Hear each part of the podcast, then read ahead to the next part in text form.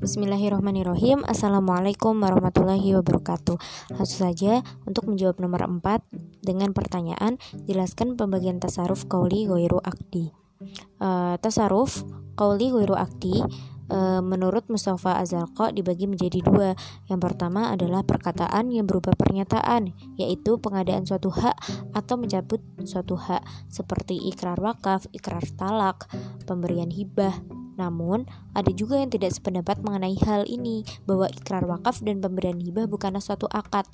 Meskipun e, pemberian wakaf dan hibah hanya ada pernyataan ijabnya saja tanpa ada perkataan kobul, kedua tasaruf ini tetap termasuk dalam tasaruf yang bersifat akad.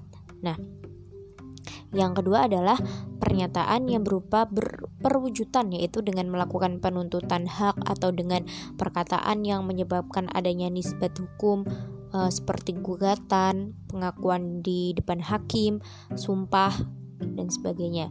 Tindakan tersebut tidak bersifat mengikat sehingga tidak dapat dikatakan akad tetapi termasuk perbuatan hukum. Nah, sekian jawaban nomor 4 dari saya. Wassalamualaikum warahmatullahi wabarakatuh.